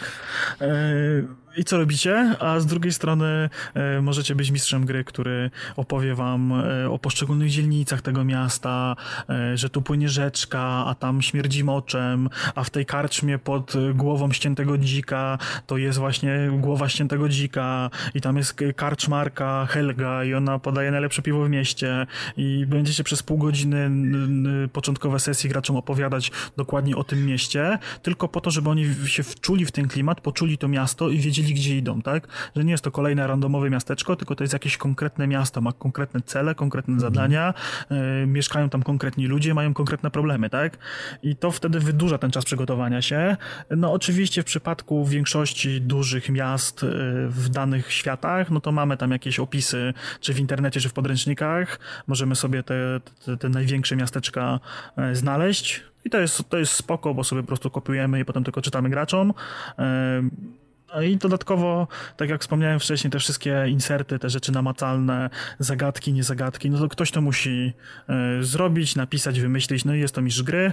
E, no to jest, ja uważam, że to jest najfajniejsza część zabawy w RPG. Granie graniem jest super, fajnie się w to gra, fajnie się odgrywa bohatera, też lubię grać, ale najwięcej przyjemności właśnie daje mi samo, e, samo tworzenie tych światów, tworzenie tych historii, e, gdzieś tam właśnie drukowanie jakichś artefaktów, jakichś magicznych przedmiotów, żeby gracze to poczuli na drukarce 3D, czy wykonywanie ich właśnie tam ręcznie z jakichś innych technik. To powoduje, że mam radochę i potem jak widzę fan w, w oczach moich graczy, że gdzieś tam znalazł jakiś wisiorek, czy że gdzieś tam znalazł jakiś list, y, czy jakąś wskazówkę, czy coś fizycznie, on to maca, no, przynosi na sesję, zakłada ten wisiorek, nosi go ze sobą, y, to mi się cieszy buzia, jestem zadowolony po prostu z tego No to tu nie? od razu odpowiedziałeś na moje pytanie, jaka jest twoja ulubiona rola? Tak, tak, zgadza się. E, dobra, e, to ile trwa rozgrywka już? Ma, nie, mieliśmy ile trwa przygotowanie, to właśnie to moje jeszcze pytanie takie, czy jesteśmy w stanie grać na przykład przez internet w owym, owym czasie? Tak, jesteśmy w stanie grać przez internet. E, No my właśnie od e, lutego gramy tylko online, nie spotykamy się. E, No, COVID covidem, ale też nam się zaczęło z racji tego, że, że ja mam drugie dziecko, gdzieś tam mój brat z nami gra i też tam troszeczkę jakichś zajęć i ciężko było się spotkać po prostu na, na całe popołudnie, żeby pograć. Zaczęliśmy wieczorami grać przez internet. Tutaj w zależności od tego, jak bardzo sobie ufamy, możemy grać na kilka sposobów, bo jest taka platforma e, Roll20, e, która po prostu pozwala nam rzucać kostkami wirtualnie i po prostu wtedy no, klikasz, e, jaki wykonujesz rzut, gra program pokazuje ci wynik, pokazuje go wszystkim, widzicie się na kamerkach, słyszycie się, mogę tam jakieś mapy, graficzki podkładać e, pod to i to jest, to jest spoko. No a z drugiej strony, jeżeli e, nie mamy komputera na przykład w domu i, i nie chcemy korzystać właśnie z tego rola, tylko chcemy rzucać fizycznie tymi kostkami, bo nie po to gramy w RPG, żeby kostkami nie rzucać, no to możemy grać na Messengerze, tak? Połączyć się kamerkami, słyszeć się, widzieć się, rzucać sobie kostkami w zaciszu domu. No tutaj trzeba sobie ufać, tak? E, nie, żeby za każdym razem nam wychodził najlepszy wynik i k- critical hit za każdym razem, tak? Tylko no trzeba faktycznie przyznawać się, co żeśmy rzucili, no nawet jak No nie to poszło. też y, właśnie o to chodzi chyba, żeby uczciwie grać. No, tutaj nie wyobrażam, to znaczy wyobrażam sobie, bo wielokrotnie grałem kiedyś po prostu z ludźmi, którzy gdzieś tam kantowali, natomiast no, nie jest to wtedy wystarczająco mi się wydaje zgrana ekipa do takiej rozrywki. E, No to Mhm. Tak, no to... następne pytanie, ile tak średnio trwa właśnie rozgrywka, sesja? Oj, powiem ci, że zależy. To różnie zależy od tego, ile macie czasu, bo jeżeli macie mało czasu, to z reguły trzeba odegrać krótszy scenariusz, tak? Jeżeli komuś się spieszy, ktoś nie może posiedzieć dłużej niż godzinkę czy dwie, no to gracie tyle po prostu. No i to, to tak naprawdę zależy tylko i wyłącznie od was, od tego, ile czasu chcecie poświęcić. Yy, My za tych czasów, kiedy spotykaliśmy się fizycznie, to po prostu spotykaliśmy się tam w niedzielę rano, i graliśmy do wieczora, z przerwami tam na jakiś posiłek, e, na, na papieroska, na, na, piliśmy piwko i tak dalej i po prostu żeśmy rozmawiali, nie? Graliśmy, bawiliśmy się, robiliśmy sobie przerwy i spokojnie można było ten cały dzień poświęcić na RPG, tak? A z drugiej strony, no jak teraz spotykamy się online, no to jest to z reguły te 3-4 e, godzinki i to nam w zupełności wystarczy, żeby sobie tam o tej 20 siąść do komputerów i do północy pograć e, i pobawić się świetnie, tak? No dlatego, dlatego pytam, no ile by trzeba było, tak żeby to było satysfakcjonujące. O. Bo myślę, że godzinna sesja to jest tak troszeczkę krótko mi się wydaje. Chyba, że naprawdę mamy jakąś tam bardzo, bardzo szybką akcję, ale myślę, że satysfakcjonujące ale to powiem ci, że brałem udział w takich krótkich sesjach na zasadzie, że e, gdzieś tam zaczęliśmy e, jakiegoś questa, graliśmy sobie tam e, właśnie te 4-5 godzinek online i nie zdążyliśmy i umówiliśmy się, że po prostu na drugi dzień, na godzinkę, na walkę z bossem pyk, pyk i po sprawie, tak? No dobra, to teraz przejdę bardziej z takich pytań ogólnych na pytania bezpośrednio do ciebie już, jeżeli chodzi o rozgrywki. Ile trwała najdłuższa sesja, w której brałeś udział? Oj, graliśmy w Sylwestra, ja prowadziłem i jak zaczęliśmy tak koło 18, to skończyliśmy chyba około 5 nad ranem. No to ładnie. No to trzeba mieć i to był, to był taki chyba, to był chyba taki rekord y, ciągłego grania, bo graliśmy naprawdę dużo, bo i, i, i wtedy mało kto wychodził na fajkę, e, piliśmy, jedliśmy, grając cały czas, także żeśmy zrobili taką sesję, że jak tam gracze mieli przerwę w obozie, no to tam e, żeśmy sobie pili, czy jedli i tak po prostu naturalnie to, to sobie szło. No, czyli bardziej już wchodziliście, myślę, w larpa, ale to też zaraz napmkniemy. Yy, dobra, czy uważasz, że to jest rozrywka dla każdego? Uważam, że jest, nie jest to rozrywka dla każdego, bo nie każda osoba się w tym odnajdzie. To trzeba mm, lubić odgrywać postacie, bo granie samego siebie w RPG-u jest nudne, uważam. Więc y, najfajniej odnajdą się w takich grach ludzie, którzy lubią i potrafią odegrać kogoś innego, czy mają na to po prostu ochotę, tak? Bo to trzeba się zaangażować. Z reguły RPG są dość mocno emocjonalne. Te przygody, e, historie, no na tyle się musimy wczuć, żeby faktycznie czuć emocje tego bohatera. E, podejmować decyzje za niego. To nie jest tak, wiesz, że kliknę w komputerze, że zabiję tego NPC'a, tylko z reguły za tym będą jakieś konsekwencje, będzie jakaś scenka. Z reguły dobry mistrz gry każe nam odegrać tą scenę morderstwa, na przykład jak to robimy. To nie w zasadzie, że rzucimy kostkę, o, zabiłem go, nie? Tylko jeżeli popełniamy jakieś czyny haniebne dla naszej postaci, to musimy to odegrać, bo, znaczy, no, fajnie by było, gdybyśmy to odgrywali, opowiedzieli, jak to robimy i to z reguły dla, dla dobrego gracza y, jest to trudne. Jeżeli na przykład y, brałem udział w kiedyś takiej sesji, że gracz, który był tam kapłanem i tak dalej, musiał kogoś zamordować w celu wyższego dobra. I było widać po samej tej osobie, która to odgrywała, że jest to dla niej ciężkie, że ona się bije z emocjami, y, były te emocje po prostu, tak? Niejednokrotnie też na sesjach dochodzi do kłótni, już pomijając kłótnie między bohaterami, to w pewnym momencie zaczyna to tak eskalować, te emocje się tak kumulują, że gracze też między sobą się kłócą, tak? Y, zaczynają tam gdzieś jakieś ostrzejsze słowa paść i często wychodzi to już poza postacie, mimo tego, że, że dalej niby odgrywają postacie, to już tak robi się prywatnie. Bardziej tak? personalnie Więc się trzeba zaczyna dziać. Też, tak, tak, więc trzeba też być taką osobą, która po prostu po zakończonej sesji odejdzie od stołu, poda sobie rękę, no luz, to była tylko gra, tak? To, że robiłem ci na złość i zabiłem ci matkę w grze, nie? No to nie znaczy, że zrobiłem to na żywo, nie? Ładnie. To, to teraz mi się nasunęło jeszcze takie pytanie poza, poza konkursem, czy, bo na pewno, bo ty właśnie w ten sposób grasz, czy bezpiecznym jest grać z żoną? Tak, bezpiecznym jest grać z żoną, y, bo my z żoną dużo gramy właśnie czy w planszówki, czy, czy, czy w gry wideo w koopie i u nas zawsze jest taka zasada, że to, co się dzieje nad planszą, zostaje nad planszą i my y, grając w, w jakieś skrable czy w coś, to niejednokrotnie wyzywamy się, rzucamy tam mięsem solidnie, obrażamy się, kłócimy się, ale w momencie, w którym gra jest spakowana do pudełka, zamykamy wieczko, mhm. Wszystko jest w porządku. No i myślę, że to jest najzdrowsze podejście. Jest, wiesz, nie ma, jest totalne odcięcie. Nie, nie, nie ma na zasadzie, że za 5 minut albo ty mi coś tam powiedziałeś, czy, czy ja ci coś powiedziałem. Nie, koniec skończyliśmy grę, to była tylko gra. To jest po to, żeby wyżyć się emocjonalnie, pobawić się. Jeżeli są negatywne emocje, to fajnie, że one są, bo też się człowiek w jakiś sposób wyzbyje, nie? Więc y, to jest to dość mocno terapeutyczne też w jakiś po, sposób. Po to, bo to właśnie znajdujemy takie rozrywki, myślę, żeby właśnie wyładować wszelkie frustracje, czy na przykład ja y, pamiętam właśnie w RPGach takich opowiadanych, bardzo fajnie się można było wyżyć, można było y, sobie powyobrażać rzeczy, których człowiek by w życiu nie zrobił, a tam jednak można było po prostu poszaleć z fantazją. Zgadza się. To też jest y, z psychologicznego punktu widzenia ciekawy aspekt, że często osoby w realnym świecie gdzieś tam skryte czy, czy nieśmiałe w grach RPG odgrywają bardzo charyzmatycznych, ciekawych bohaterów y, i bardzo się fajnie otwierają na sesjach, nie? No też nie zawsze i nie każdy tak umie.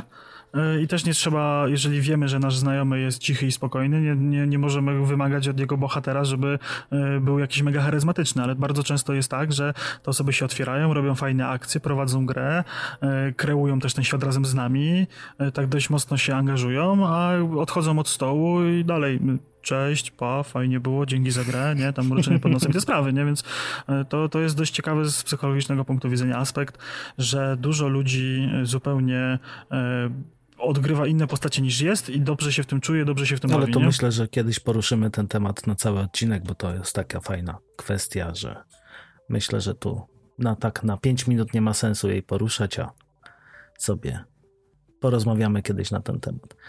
Y, no dobrze, to takie pytanie teraz, y, jakie systemy polecasz? Tutaj podejrzewam, że będzie Warhammer na pewno. Tak, tak. Ja uwielbiam Warhammera Fantazy. 40 e, też jest bliska memu sercu, chociaż dawno nie grałem. Też jest bardzo fajna. E, I ze Cthulhu. E, Warhammer Fantazy, ze Cthulhu to są moje ulubione settingi. Uwielbiam, polecam. Są mega fajne. D&D jest spoko pod warunkiem, że lubicie to, to wysokie fantazy i lubicie być tym bohaterem w tym takim już od razu prężnie zbudowanym, tak? Tutaj myślę, myślę, że takie D&D to jest bardziej dla fanów y, Lord of the Rings i tego, tego pokroju rzeczy, gdzie mamy właśnie dużo. Tak, tak, tak. Dużo bohaterstwa. No cyberpunka też lubię, no to jest, to jest kwestia y, tak naprawdę jaki system, jaki świat was interesuje, w jakim świecie chcielibyście grać albo prowadzić rozgrywkę. I, I, to jest, to, to się tak naprawdę moim zdaniem polecanie systemów na tym kończy. Znaleźć to, co lubicie. Ja lubię ten mroczne, ciężkie fantazy, ciężkie wybory i to właśnie startowanie od zera i te, to, tą biedę taką ogólną i ten chaos i te, te, te wszystkie trudne decyzje. W tym się dobrze czuję. Lubię kreować ten świat i dlatego lubię bardzo Warhammera. No to teraz mam takie dla mnie najbardziej nietypowe pytanie. Czy uważasz, że LARP, czyli ten live action RP roleplay, to już krok za daleko? Czy po prostu kolejny krok dla bardziej zaawansowanych graczy? Ojej, to jest bardzo trudne pytanie, bo dla mnie to są zupełnie w ogóle z jednej strony bardzo podobne w swoich założeniach elementy, a z drugiej strony to jest w ogóle inna bajka, nie? E, ja z reguły brałem udział w takich larpach e, gdzieś tam w, u swojej podstawie bazujących na ASG, czyli na tym, na grze Airsoftowej, e, na replikach broni, na, na plastikowe kulki, tak w skrócie. No i kurczę, to jest mega świetna zabawa i to jest takie y, bycie tym bohaterem naprawdę, bo musimy się przebrać za tego bohatera, musimy sobie zrobić ekwipunek i być tym bohaterem przez czas tej rozgrywki, nie? Tak naprawdę fizycznie go odgrywać, podejmując fizycznie działania własnym ciałem, które chcielibyśmy, żeby ten bohater zrobił, nie? To nie jest powiedzenie tylko, że idę i kogoś morduję, czy idę i kogoś y, ratuję, czy kogoś okradam, tylko trzeba to fizycznie zrobić. Trzeba fizycznie z tymi ludźmi rozmawiać, to są inni żywi ludzie, e, trzeba im fizycznie zrobić jakąś tam pseudokrzywdę. No, oczywiście wszystko jest bezpieczne i tak dalej, tam piątkowe bronie, e, okulary ochronne do, do przypadku, kiedy strzelamy za SG i tak dalej. E, no ale w jakimś stopniu zabijemy inną postać, tak? Zabijemy innego gracza i z reguły on już w tej postaci się nie pojawi w grze, bo z reguły będzie musiał zacząć od zera, być inną postacią, więc musimy mm, na swoje barki fizycznie i psychicznie przyjąć ciężar tych działań, tych konsekwencji. To nie jest tak, że tam właśnie, tak jak wspomniałem, powiemy, że kogoś zabijemy, odegramy tą sytuację, tylko musimy to fizycznie zrobić. Więc to jest taki mega skok dalej. To jest tak mega bardzo zaawansowane coś i, i, i, to jest mega super. Ja wiem, że też są takie e, mniejsze larpy, e, bardziej działające na, e, na jakichś zagadkach, typu tam jakieś morderstwo w Orient Expressie, czy jakieś tam inne w, w, w takich ala escape roomach, że tam się gra, odgrywa postacie. I to też jest mega fajna zabawa. I to jest y, taki, moim zdaniem, krok pośredni y, między RPG a takim LARPem, jakiego ja znam, nie? Że faktycznie jestem tym stalkerem, czy faktycznie jestem w, świecie Fallouta, y, czy faktycznie jestem na, na misji Afganistan, bo też brałem w takich udział LARPach na zasadzie jakichś realnych wydarzeń, tak? Historycznych, czy, czy brałem udział w bitwie o Ardeny, tak? I to jest zupełnie inny inny rodzaj, inny balans rozgrywki, tak? Takie odgrywanie gdzieś tam w jakimś pokoju, czy w jakimś mieszkaniu wynajętej sali, czy na konwencie e, RPGa po prostu, gdzie my jesteśmy postacią, chodzimy po pokoju, rozwiązujemy zagadki, gadamy z innymi e, postaciami, innymi ludźmi fizycznie, to jest właśnie taki e, delikatny krok do przodu, krok dalej, nie? E, między taką zwykłą sesją przy stole, gdzie tylko udajemy, a taką, którą już coś robimy. A taki już e, duży, poważny LARP, gdzie tam przykładowo dwa dni gramy, śpimy, jemy, wszystko robimy in-game, tak, tak, tak, tak zwanie, no to to już jest takie mega bardzo zaawansowane i to jest super. Jeżeli ktoś lubi tego typu klimaty, a nie wie, czy, czy by się w tym sprawdził, to radzę spróbować. To jest mega fajna zabawa.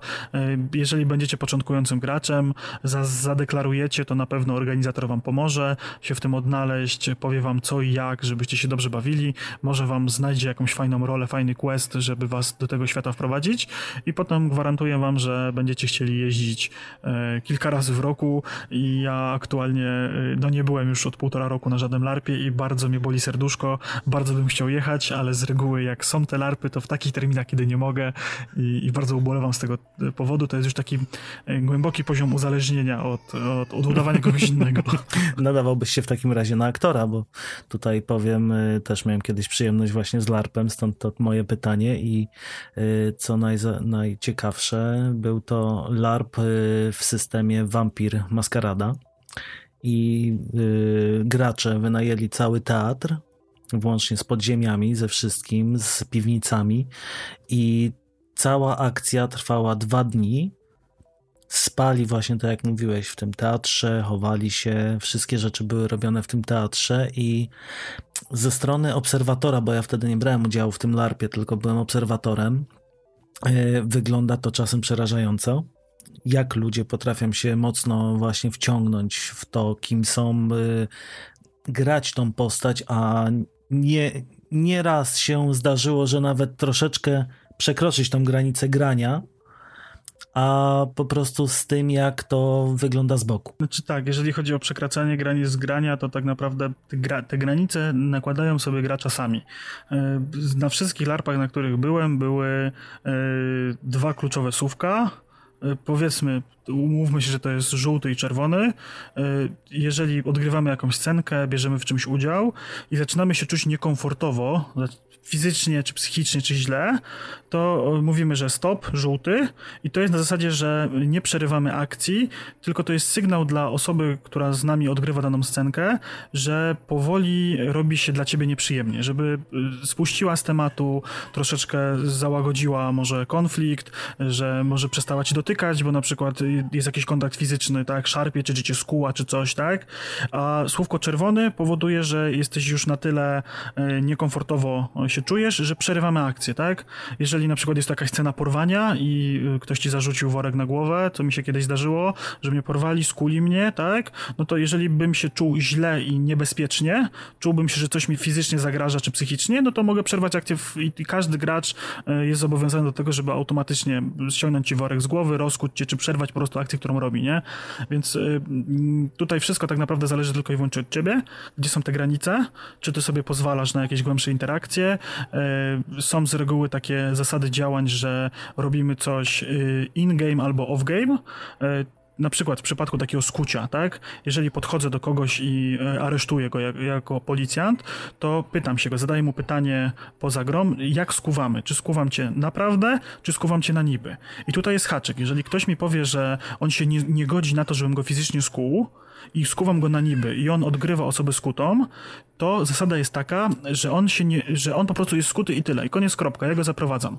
A jeżeli e, jesteś graczem hardkorowym, nie boisz się, kombinujesz, e, i on powie, że ok, skuj mnie naprawdę, ja go fizycznie skuję kajdankami, to on się z tych kajdanek może uwolnić, może spróbować mi uciec, tak?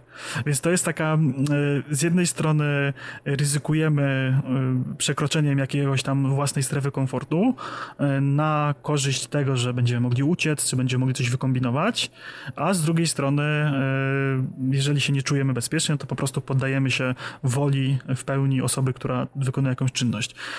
To ja bardzo lubiałem to, przy e, wchodzeniu w jakieś jednostki wojskowe czy w bazy wojskowe, gdzie zawsze na początku było jakieś przeszukanie, czy nie mam jakiejś broni, kontrabandy i tak dalej. No to e, gdybym nie zgodził się na to, żeby ktoś mnie obmacywał, obcy, no to musiałbym wyjąć wszystkie fanty, które e, planowałem przemycić, tak? A w momencie, kiedy zgadzam się na przeszukanie, no to mogłem coś zawsze ukryć. Mogłem mieć jakiś kozik za pazuchą, ktoś go mógł nie znaleźć, ktoś mógł mnie przeszukać niedokładnie i wtedy mam możliwość działania dalej, tak? Więc to są takie, mm, no te granice e, to jest właśnie spoko, że z jednej strony możemy kombinować, e, wychodzić z tej własnej strefy komfortu, e, próbować coś wymyślić kreatywnego, interesującego kosztem tego właśnie, że będziemy mieli jakieś interakcje z innymi ludźmi, a z drugiej strony możemy się po prostu, wiesz, odcinać od tego, jeżeli sobie tego nie życzymy i, i grać zgodnie z jakąś tam mechaniką gry, która jest wymyślona. No, ale tu nie zdawałem sobie sprawy, że, my, że są ustalane właśnie te słowa bezpieczeństwa, więc no tutaj w momencie, gdy to wiem, troszeczkę inaczej na to człowiek patrzy. No, mi się pytania skończyły. Co do no to super, to chyba To chyba zakończymy temat i myślę, że tutaj tak. może troszeczkę wspomnimy o tym, co u nas, może... Tak, co tam u nas było. Jeżeli w ogóle macie do nas jakieś pytania o te RPG, no to piszcie, piszcie, z chęcią pogadamy, z chęcią poruszymy dyskusję. Y, no tak jak mówię, jestem chętny na, na, na, na wszelkie y, pogaduszki na ten temat, zresztą chyba było to słychać, bo, bo się rozgadałem przeokrutnie. Mamy, mamy specjalistę wśród nas, więc na pewno nas Waderio, jeżeli będziemy tylko chcieli coś się dowiedzieć, to nas prowadzi. Ma wiedzę niesamowitą, doświadczenie też słychać, że ma, więc warto, warto do niego no, zawsze mam nadzieję, uderzyć. że tak jest, nie? bo mogłem, mogłem pleść głupoty, bo to są moje fizycznie nabyte doświadczenia, a nie jakieś, wiesz, e, zdobyta wiedza w szkole, nie? Ale myślę, że, że, że nikt nie prowadzi jeszcze szkoły czarodziejstwa i magii z RPGów, więc każda wiedza tutaj nabyta no tak, drogą tak. doświadczenia będzie, będzie bardzo fajna i myślę, że fajnie tu nas yy, fajnie nas wprowadziłeś w ogóle w temat. Tak jak mówię, no ja robiłem yy, w RPGach 20 lat temu, więc to było dość dawno, człowiek już nie, niewiele pamięta, a mamy takie czasy, a nie inne, że jednak yy, inna forma rozrywki niż tylko ten komputer, piwo, się przydają i myślę, że to jest też fajna droga. To może byśmy zagrali kiedyś razem. Jakąś epizodyczną rulkę na początek, byś tam Czemu nie zagrał. No, to się tam kiedyś Pewnie. zgadamy na pewno. Nie ma, nie ma problemu, no. możemy się kiedyś zgadać, ja nie widzę no najmniejszego to dobra, problemu. no to zamykając temat, co tam u ciebie słychać? Co u mnie słychać? No, u mnie był Grounded y, w dniu premiery. Pojawił się y, Grounded, troszeczkę ograłem. Y, gierka z, we współpracy z Obsydianem. Jak widzieliśmy zresztą na moim streamie, jesteśmy pomniejszymi dzieciakami, które buszują po ogrodzie. Na razie niewiele jest do robienia.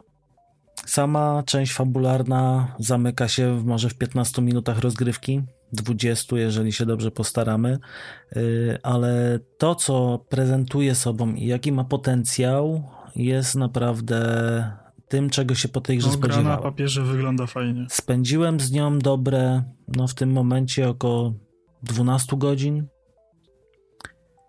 i bawiłem się cały czas świetnie. Jest to taki Minecraft, ale w trochę fajniejszym wydaniu. Mhm. No tak jak mówię, gra na papierze wygląda bardzo fajnie, prezentuje się ciekawie. No zobaczymy, co to z tego wyjdzie. Ja czekam, tak myślę, że z rok, aż tam się więcej będzie działo. Bo na razie to jest tak trochę smutno i pusto. No zabijamy robaczki, budujemy bazę i w sumie więcej chyba nie ma nic do roboty. To znaczy, na razie mamy jakieś tam sekrety, są sekretne laboratoria, które można odnaleźć, jest troszeczkę kombinowania. Oczywiście te pajączki, y, biedronki, jakieś tam żuczki, inne rzeczy nam w tym przeszkadzają. Y, powiem szczerze, nie jest to najłatwiejsza gra, jeżeli chodzi o tutaj poziom y, przeciwników, bo na przykład pajączki i biedronki są moim zdaniem na sam początek bardzo overpowered, a najzabawniejsze jest to, że żeby zdobyć lepszą broń do ubijania ich, trzeba je najpierw Aha, ubić. Tak, Bo są potrzebne nam komponenty z nich. Więc tutaj. Powinien być jakiś trochę bez sensu. Powinien Proszę? być jakiś przeciwnik po środku, moim zdaniem. Wiesz, taka droga, wiesz, no i będą, będą tu przygotowywane już zresztą update'y cały czas, są robione średnio raz na dwa tygodnie, z tego co zauważyłem jest update, y, więc tutaj y, na raz na tydzień, przepraszam jest robiony update, pojawiają się nowe rzeczy, nowe yy, przedmioty, jakieś tam jeszcze historia i same lokacje się nie zmieniają, natomiast pojawiają się troszeczkę nowe mechaniki, trochę są poprawiane.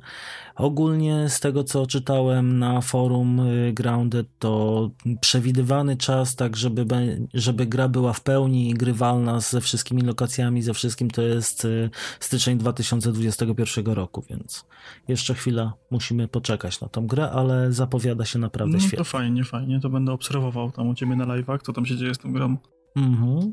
Kolejną, kolejną taką fajną y, gierką, takim indyczkiem, wczoraj zresztą też można było go obejrzeć, to jest The Tourist. Taki indyczek ala Mario 3D, y, tylko wcielamy się w postać właśnie turysty, który podróżuje sobie po y, wysepkach i napotykamy na swojej drodze starszego turystę, który daje nam jakieś tam y, zadania polegające na znalezieniu starożytnych monumentów, tak naprawdę pozostałości jakiejś tam y, innej cywilizacji. Też nie chcę tutaj zaspoilerować całości, więc y, ogólnie fajny indyczek, żeby skończyć tak na szybko, trzy godzinki wystarczy. Można posiedzieć, fajnie się pobawić dużo minigierek, dużo, dużo rzeczy do zrobienia takich pobocznych i też, no tak jak mówię, 3 godzinki, 3,5 w sumie można zamknąć całą, o, całą to rozgrywkę. sympatycznie. Ja nie widziałem gierki, muszę kiedyś sobie obczaić, co to jest. No a co tam u ciebie w grach? U mnie nic, nuda. Nuda, tak na, wieje tak nudą. Na, nie, znaczy wieje nudą, nie. Wciągnąłem się w tego Red Deada. Jestem już chyba za połową gry fabularnie. E, niespiesznie sobie grałem, dość dużo godzin spędziłem, e, głównie na robieniu jakichś aktywności pobocznych i na obijaniu się e, w tym świecie. Fabułka jest bardzo fajna. Nie spodziewałem się, że będzie to tak dobrze napisane, bo ta fabuła w Red Deadzie jedynce no to tak średnio miała polot. Znaczy ona była fajna, ta historia była mm, dobrze zrobiona, ale nie czułem takiej chęci robienia tych questów dalej, nie? Tam też dużo było takich aktywności pobocznych, takich w sensie, że questów pobocznych, pobocznych. Tutaj e, mamy bardzo to fajnie zrobione na taką modłę GTA 5, e, co mi się mega bardzo podoba, że każdy quest jest po coś, nie? Że te, te wszystkie questy nas po kolei prowadzą przez tą historię, coś tam robimy, tu napadamy na bank, tu kogoś ratujemy z więzienia, tu gdzieś tam jakąś bimbrownię ogarniamy, tego typu tematy i to wszystko się spina w całość a, historii. E, tak, historia. A te zadania poboczne, które gdzieś tam są e, z tyłu te polowania, łapanie tych przestępców i tak dalej, to są jako, jako takie zabawy poboczne, nie? Więc to możemy sobie to robić. To znaczy, musimy... one, one też mają później, to, to znaczy później, jak e, się wczytamy w ogólnie, Nie, no tak, tak. słuchamy w to, co się dzieje, one też nam w jakiś sposób wpływają na to, co się dzieje w samej fabule. I jest to fajnie wszystko połączone. Mhm, tak, zgadzam się, ale wiesz, nie, nie jest to jakieś takie e, na, na mus, nie? Do zrobienia. Nie, nie musimy, ale fajnie wpływa właśnie, fajnie robić te poboczne zadanka sobie w Red Deadzie dwójce, bo fajnie nam u, uprzy, uprzymile, uprzy, uprzyjemniają, uprzyjemniają rozgrywkę, tak. jeżeli mhm. chodzi o fabułę. No dobra, to mówisz, że w gierkach niewiele, a może coś fajnego oglądałeś? No, to, tak fajnego, no kurczę, no tu mam mocno mieszane uczucia, bo z jednej strony mi się bardzo podobało, a z drugiej strony jestem rozczarowany panem Netflixem, co pisałem na Twitterze, e, czyli Złota Era Gier Wideo. E, obejrzałem naraz, kapnąłem w jeden dzień cały ten miniserial. Bardzo fajny dokument e, z takiej perspektywy realizatorskiej. Sporo jest takich rzeczy z zakulis, sporo ciekawych rzeczy się dowiadujemy z wywiadami z osobami zainteresowanymi danym tematem. E, bo mamy tam i amerykańskiego prezesa Segi, i tam ludzi z Nintendo, i jest tam e, pan John Romero, i, to wszystko jest mega fajnie, bo oni tam opowiadają e, fajne historie, które gdzieś tam zawsze były wszystkim znane i zawsze żeśmy o nich wiedzieli i słyszeli, ale fajnie jest to usłyszeć tam jeszcze raz od nich, gdzieś tam jakiś smaczek wyłapać, że coś tam, cały ten opis tej pierwszej siedziby ID Software jest mega fajnie i, i zrealizowany i klimatyczny, a z drugiej strony jest tam sporo wątków, które są tak wklejone, nie wiem po co. Ja rozumiem, że znaczy tak, zacznijmy od tego, że ja, kurczę, ogólnie jestem za i, i, bardzo lubię, że te wątki są poruszane, ale kiedy mówimy o dokumencie, o grach wideo i to jest tak trochę na siłę doklejanie i trochę na siłę szukanie mm, elementu zaczepienia, żeby wstawić dany wątek, czy to e, związany z problemami czarnoskórych w Ameryce, czy z, z osobami transseksualnymi, czy z kobietami, czy z, ze środowiskami LGBT, to moim zdaniem zdecydowanie lepiej by ten serial wyglądał, jakby był osobny odcinek dedykowany tego typu problemom w branży. E, jakby te wątki wyciąć, jak, jakby ten, te wątki wyciąć, nie? I wsadzić je po prostu gdzieś w jakiś osobny odcinek po prostu, nie? To byłoby to naprawdę fajnie, a w kontekście odbioru całego odcinka, czy tak jak jest mój ulubiony odcinek o Sedze, który ma najbardziej absurdalny wątek, jest bardzo fajnie opisana historia Segi y, i tego, jak to się, jak ta wojna konsol pierwsza powstała i nagle tak od czapy jest ten wątek tego e, czarnoskórego pracownika, który zatrudnia się w jej. E, jego głównym zadaniem jest zrobienie, jego głównym celem właściwie jest zrobienie tego, żeby ci e, zawodnicy w Madden mieli różne kolory skóry. No, no kurczę, no to co to ma w ogóle do całej historii Segi? Ja rozumiem, że to było ważne, ja rozumiem, że to było przełomowe i że ten problem był istotny i trzeba było go poruszyć, ale co no ma piernik do wiatraka? Tutaj no? warto by było chyba zrobić jeden odcinek i to by zamknęło temat niż... Ale ogólnie Netflix y, wiemy od samego początku, że stara się być w tych kwestiach, y, nazwijmy to poprawny politycznie i we wszystkich swoich produkcjach to porusza, więc może nie ta forma. I z jednej strony, z jednej strony bardzo dobrze, bo to są istotne tematy dla dzisiejszego społeczeństwa. Warto je poruszać i uważam, że warto edukować innych ludzi, że tak było i tak być nie powinno i czy tak jest i tak być nie powinno, zróbmy coś z tym, że y, osoba taka, czy taka, czy owaka jest taka sama jak my i ma takie same prawa, uczucia i tak dalej. To jest mega istotne, ale w momencie wklejania tego tak po prostu na siłę, na zasadzie, że mamy listę, y, mamy scenariusz do, do filmu i y, czarnoskóry bohater czek, y, ktoś ze środowiska LGBT czek, y, feministka czek, nie? To to wygląda, że za przeproszeniem na odpierdol się. To wygląda jakby osoby to po prostu odwrotny skutek robiły to, bo muszą, bo, tak, bo muszą. To jest tak jak na zasadzie wsadźmy tą postać tam, bo trzeba, bo tak wypada. Nie robimy tego z takich czysto mm, prawdziwych, dobrych pobudek, tylko na zasadzie, żeby się nikt nie przypieprzył, że żeśmy nie wsadzili takiej postaci, bo jest dane środowisko oburzy, że w tym filmie nikogo takiego nie było. Nie? I to jest takie na siłę i bezsensowne moim no, zdaniem. No.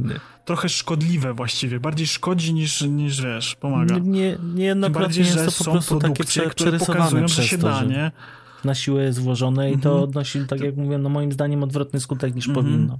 Dokładnie, tym bardziej, że są produkcje, które pokazują, że się da i taką produkcją jest produkcja, która jest na twojej liście co słychać, bo już coś patrzyłem, czyli Umbrella Academy.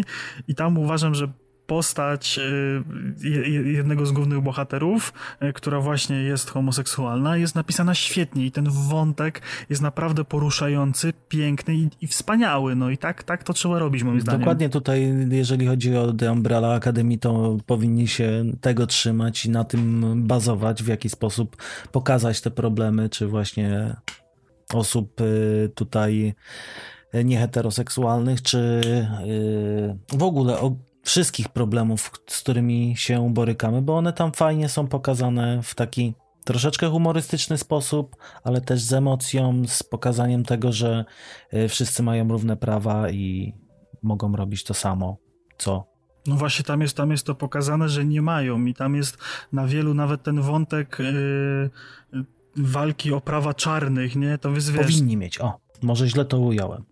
Tak, tak, tak. I, ale wiesz, i to jest tak dobrze tam zrobione, to jest tak dobrze pokazane, że że no kurczę, no super i nawet ten, tam jest właściwie trzy ważne dla Netflixa wątki, które się ostatnio pokazują w każdej produkcji, bo jest wątek e, czarnoskórej mniejszości, jest wątek LGBT i jest wątek feministyczny. I te trzy wątki e, wplecione w całą tą historię są naprawdę zrobione dobrze, poprawnie i chwytająco za serce. Tam po prostu utożsamiasz się z tymi bohaterami, odczuwasz emocje, które oni odczuwają.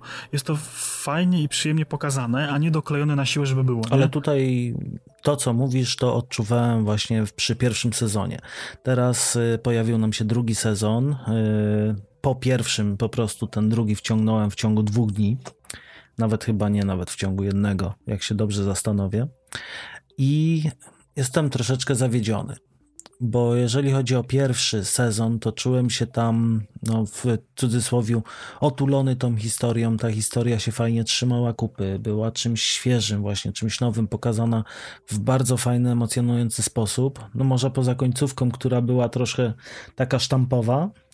Natomiast y, druga część, drugi sezon dla mnie jest tak jak gdyby powtórką jest powtórką ze zmienioną troszkę umiejscowieniem, troszeczkę zmienieni bohaterowie i tak naprawdę jest pociągnięta znowu historia pierwszego sezonu w troszeczkę inny sposób. Zgodzę się, ale uważam, że to jest po prostu klątwa drugiej części. Nie?